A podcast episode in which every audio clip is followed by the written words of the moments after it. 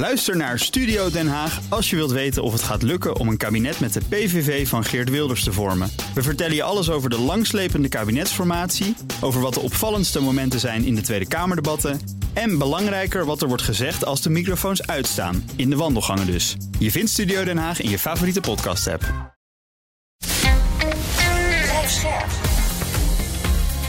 BNR Nieuwsradio. Boekenstein en de Wijk. Hugo Reitsma. Dit is een extra uitzending van Boekenstein en de Wijk in verband met de oorlog in Oekraïne en de crisis met Rusland. Het is vrijdag, dag 261 van de invasie. Ging weer op de grond beginnen, dacht ik. Ja, nou ja, eventjes niet, nu eens een keer niet met, uh, met Gerson uh, beginnen, dus daar in het zuiden waar uh, Oekraïne aan het oprukken is.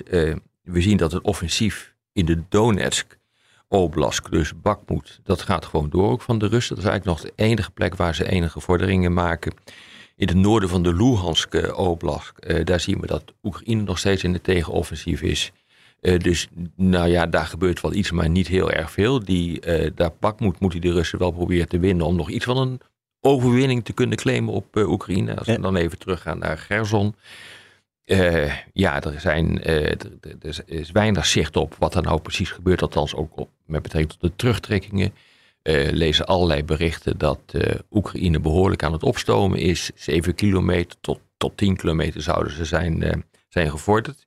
Maar ja, ik, ik, ik, vraag me dus ook af, hè, wat gaat hier nou gebeuren? Ik denk dat dat toch wel belangrijk is. Dus stel je voor dat, laten we zeggen, binnen één of twee weken de resterende troepen van Rusland uh, uh, zijn teruggetrokken. Mm -hmm. Over de Dieper naar het oosten zijn gegaan.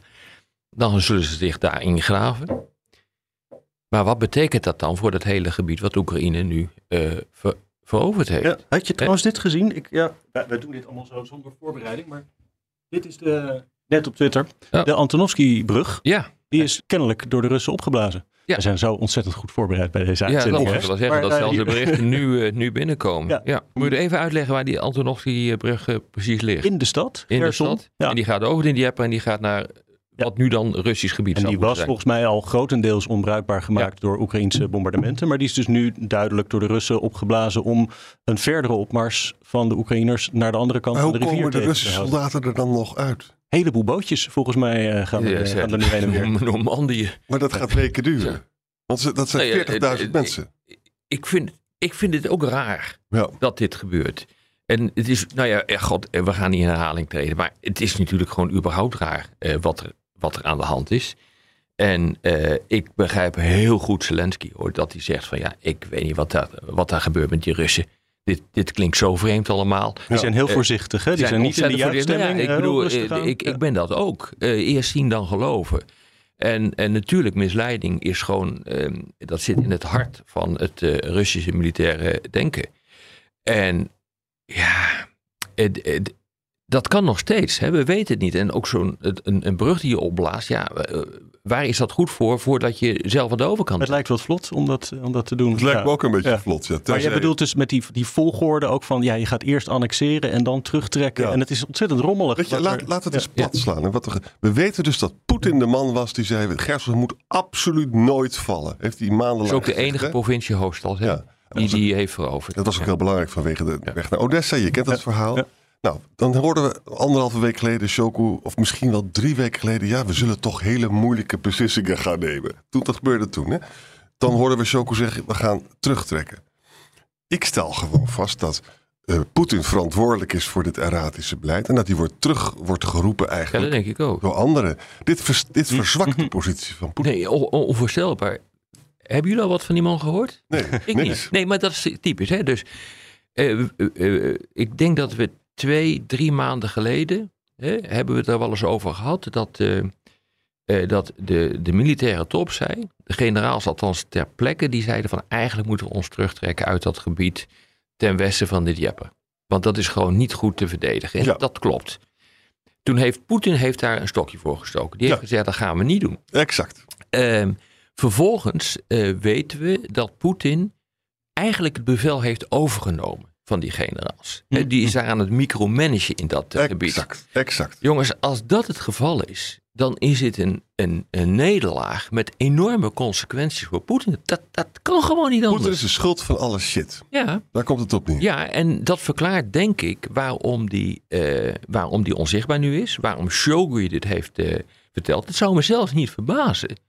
Maar dat is echt pure speculatie. En alleen maar gebaseerd op wat ik zie. Dat, die, dat, dat Shogun gewoon hem overrold heeft. Ja, dat en dat hij dit, dat achtelijke toneelstukje met die, met die militaire baas in dat eh, gebied. Ja. Dat op televisie te zien is. Ook bedoeld is om Poetin voor het blok te zetten. Het zou me niet verbazen. Want er gebeuren nu dingen Ja. in Rusland. die ik heel erg vreemd vind. Ja. En dan nog even een technisch punt, jongens.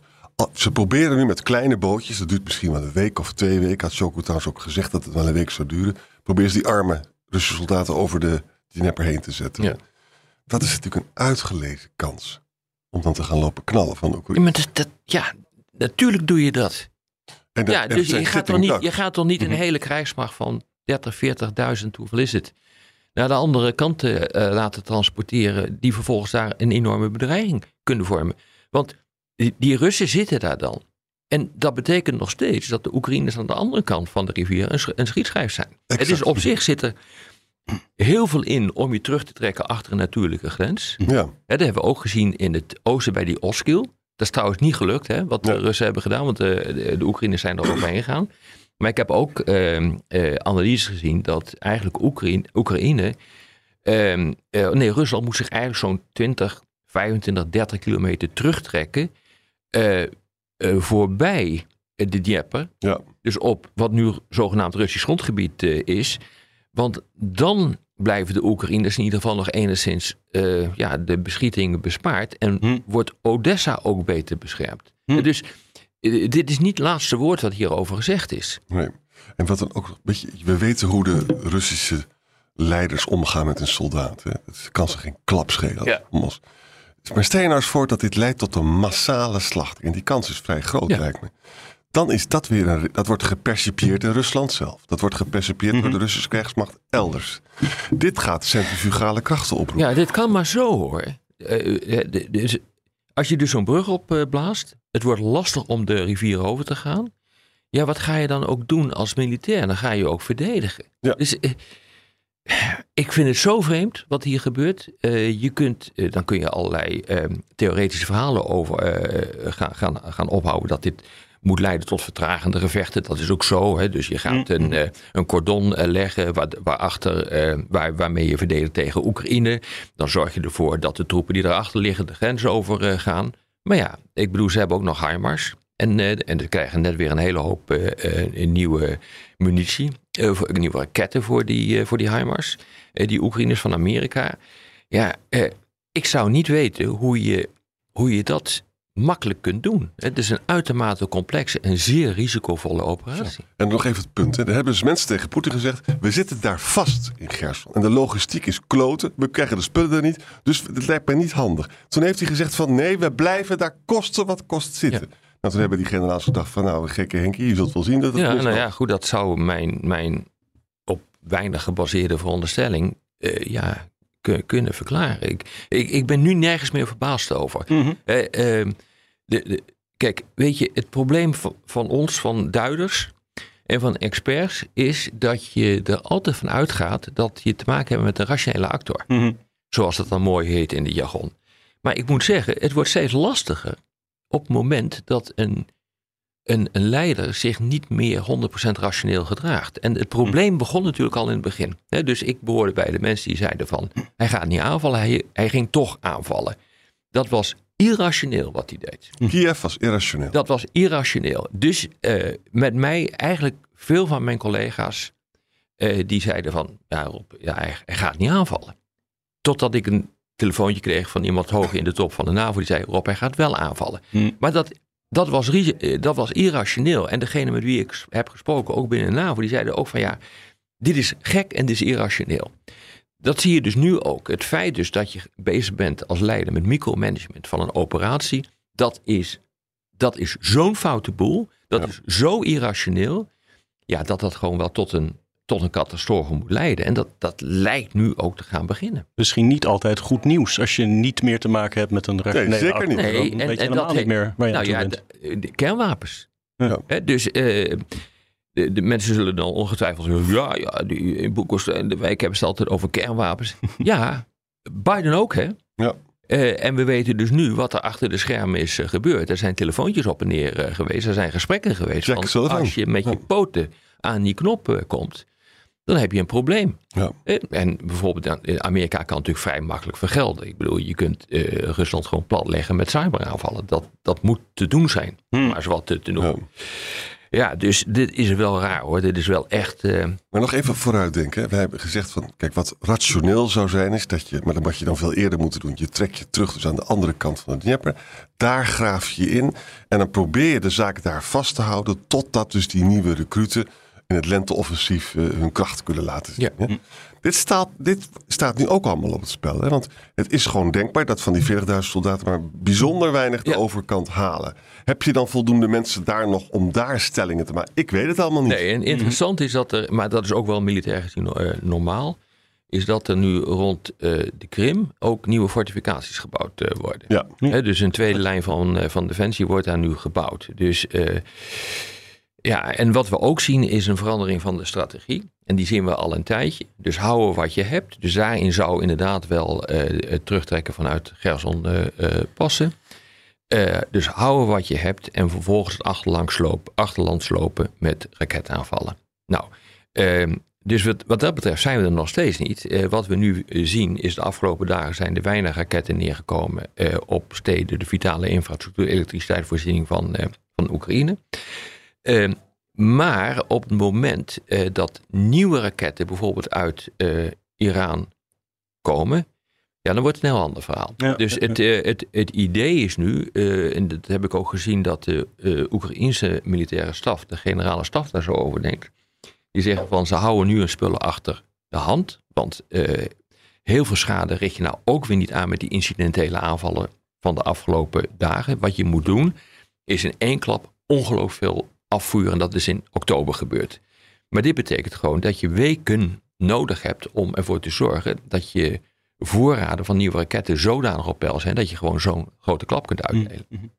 En misschien nog één puntje dat we mee moeten nemen. We hebben de gastenlijst van de G20 zo'n beetje Ja. rond. Eh, China heeft bevestigd dat president Xi gaat. Ja. Poetin weten we inmiddels dat hij niet gaat. Biden gaat en die gaat ook praten met Xi. Dat wordt vast een interessant gesprek. Ja, zeker. En eh, je zou verwachten dat Poetin hier zou zijn. Want dit Ja. is een de oplossing op de mogelijkheid om bijvoorbeeld tot, tot een vergelijken te komen. Maar ik denk dat, eh, waar we het net over hebben gehad, dit is een leider die intern nu zo onder druk staat. Ik denk dat het waar is. dat hij gewoon god beter het helemaal het eh, land niet uit kan. Ja. Ik, ik, het zou mij niet verbazen, want als dit gebeurt. Ja. eh, en, en ook de, de theorietjes die we net hebben zitten verkondigen, althans ik.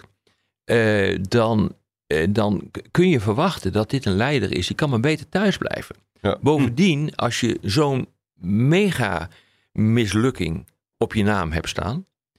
Dan moet je niet denken dat je in, eh, in, eh, in eh, Indonesië, in Bali, nog serieus wordt genomen. Ja. Hè, je komt daar dan als leider die eigenlijk gewoon een ongelofelijke nederlaag heeft eh, geleden. En een leider houdt daar niet van. Dan kan je beter met een of andere kutsmoes thuis blijven. En zeker Poetin, want, want als hij dus En die moet je maar opletten, die gaat Ja. gewoon verzinnen hoor, die, die, die smoes. Zeker. Lavrov wordt nu gestuurd, las ik. hè? Ja. En kijk, luister, het is heel simpel. Eh, hij mag niet verliezen. Als hij verliest, dan kan dat het einde van zijn carrière. Ja, ik, Betekenen. maar ik, wat, er, wat er nu is gebeurd.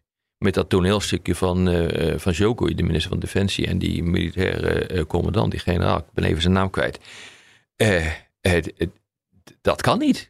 Ja. Dat is echt vreemd. Nou ja, het zijn natuurlijk ook idiote Russische aanpakken hè, die je continu ziet. Het is alsof, alsof Rutte voor de televisie van de wal bij zich haalt. Ja. En tegen Van Wal, jij gaat morgen het stikstofprobleem oplossen. En ik wil geen, nou ja, enzovoort. Ja. Ik bedoel, dat is eigenlijk wat het is. E- Even nu het totale overzicht. Hè. We zien dus, het gaat niet goed met Rusland. Er doen- er gebeuren merkwaardige dingen.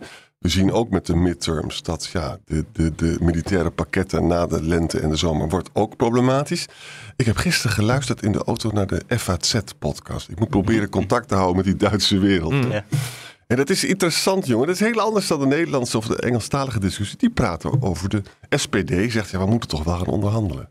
Je Ja, maar we onderhandelen Ja. niet. Hè? Zelensky onderhandelt onder druk van de Amerikanen en de, en de Duitsers en de Nederlanders. Ja. Maar wat de ik alleen maar... hebben gewoon geen ruk te vertellen. Dat is gewoon het hele punt. Maar wat ik dus wil zeggen, wat ik er zo interessant aan vind, we zien dus dat het Westen op termijn niet zoveel kracht meer heeft. Hè? We zien dat Rusland op korte termijn zichzelf verzwakt. Maar dat betekent nog niet dat Rusland niet in staat zal zijn zich ergens op een verstandige plek in te graven. Nee, dat klopt. En de komende weken worden echt, echt wel belangrijk. want Ja. de winter is in het voordeel van Oekraïne. Ja, Eh, want eh, de Russische soldaten zijn slecht uit, eh, uitgerust. Dus er wordt toch gevreesd dat die lui niet echt met warme kleren op pad zijn gestoken, zijn gegaan. Dat geldt niet voor Oekraïne. En bovendien voor het type oorlogsvoering dat Oekraïne op dit ogenblik uitvoert, is een harde ondergrond, bevroren ondergrond, een voordeel. Ja. Dus experts verwachten ook niet eh, dat de komende winter eh, dat dan het tot een vergelijk wordt gekomen. Nee. Of dat er een. En dat het eerder een probleem is in het vroege voorjaar, wanneer het één grote modderzooi is, Mhm. dat je dan een situatie krijgt van. Dus eh, wat je nu ziet is dat de Oekraïne zo hard mogelijk probeert door te persen. Want de Russen zijn ook bezig met 120.000 militairen.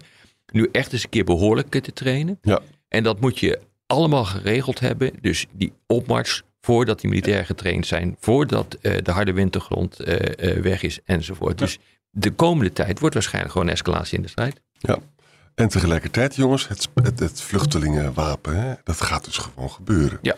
Waar het Westen op geen enkele manier is voorbereid en de politie ook hun mond overhouden. Ja, ja, dat is. Ja, dat vind ik ook een van de meest merkwaardige Rutte heeft net beloofd dat er minder vluchtelingen komen, Ja, toch? Ik dus- ben benieuwd hoe hij dat gaat doen. Mickey Mouse land, Ja, ik, ik snap dat werkelijk niet hoor. Ja. Ik bedoel, wat is dat nou voor politiek leiderschap? Het is toch echt gewoon met een horizon tot morgenochtend. Struisvogelpolitiek. Hey, ehm, wij gaan het zo hebben over de midterms voor de uitzending van morgen. Ik zie de gast al binnenkomen, dus laten we ons gaan installeren. En dan zeggen wij hier nu dus Tot morgen. Tot morgen. Ook Hugo Reitsma vind je in de BNR-app. Superhandig die BNR-app. Je kunt alle programma's live luisteren, breaking nieuwsmeldingen. Je blijft op de hoogte van het laatste zakelijke nieuws. En je vindt er alle BNR-podcasts, waaronder natuurlijk de belangrijkste, Boekenstein en de Wijk. Download nu de gratis BNR-app en blijf scherp.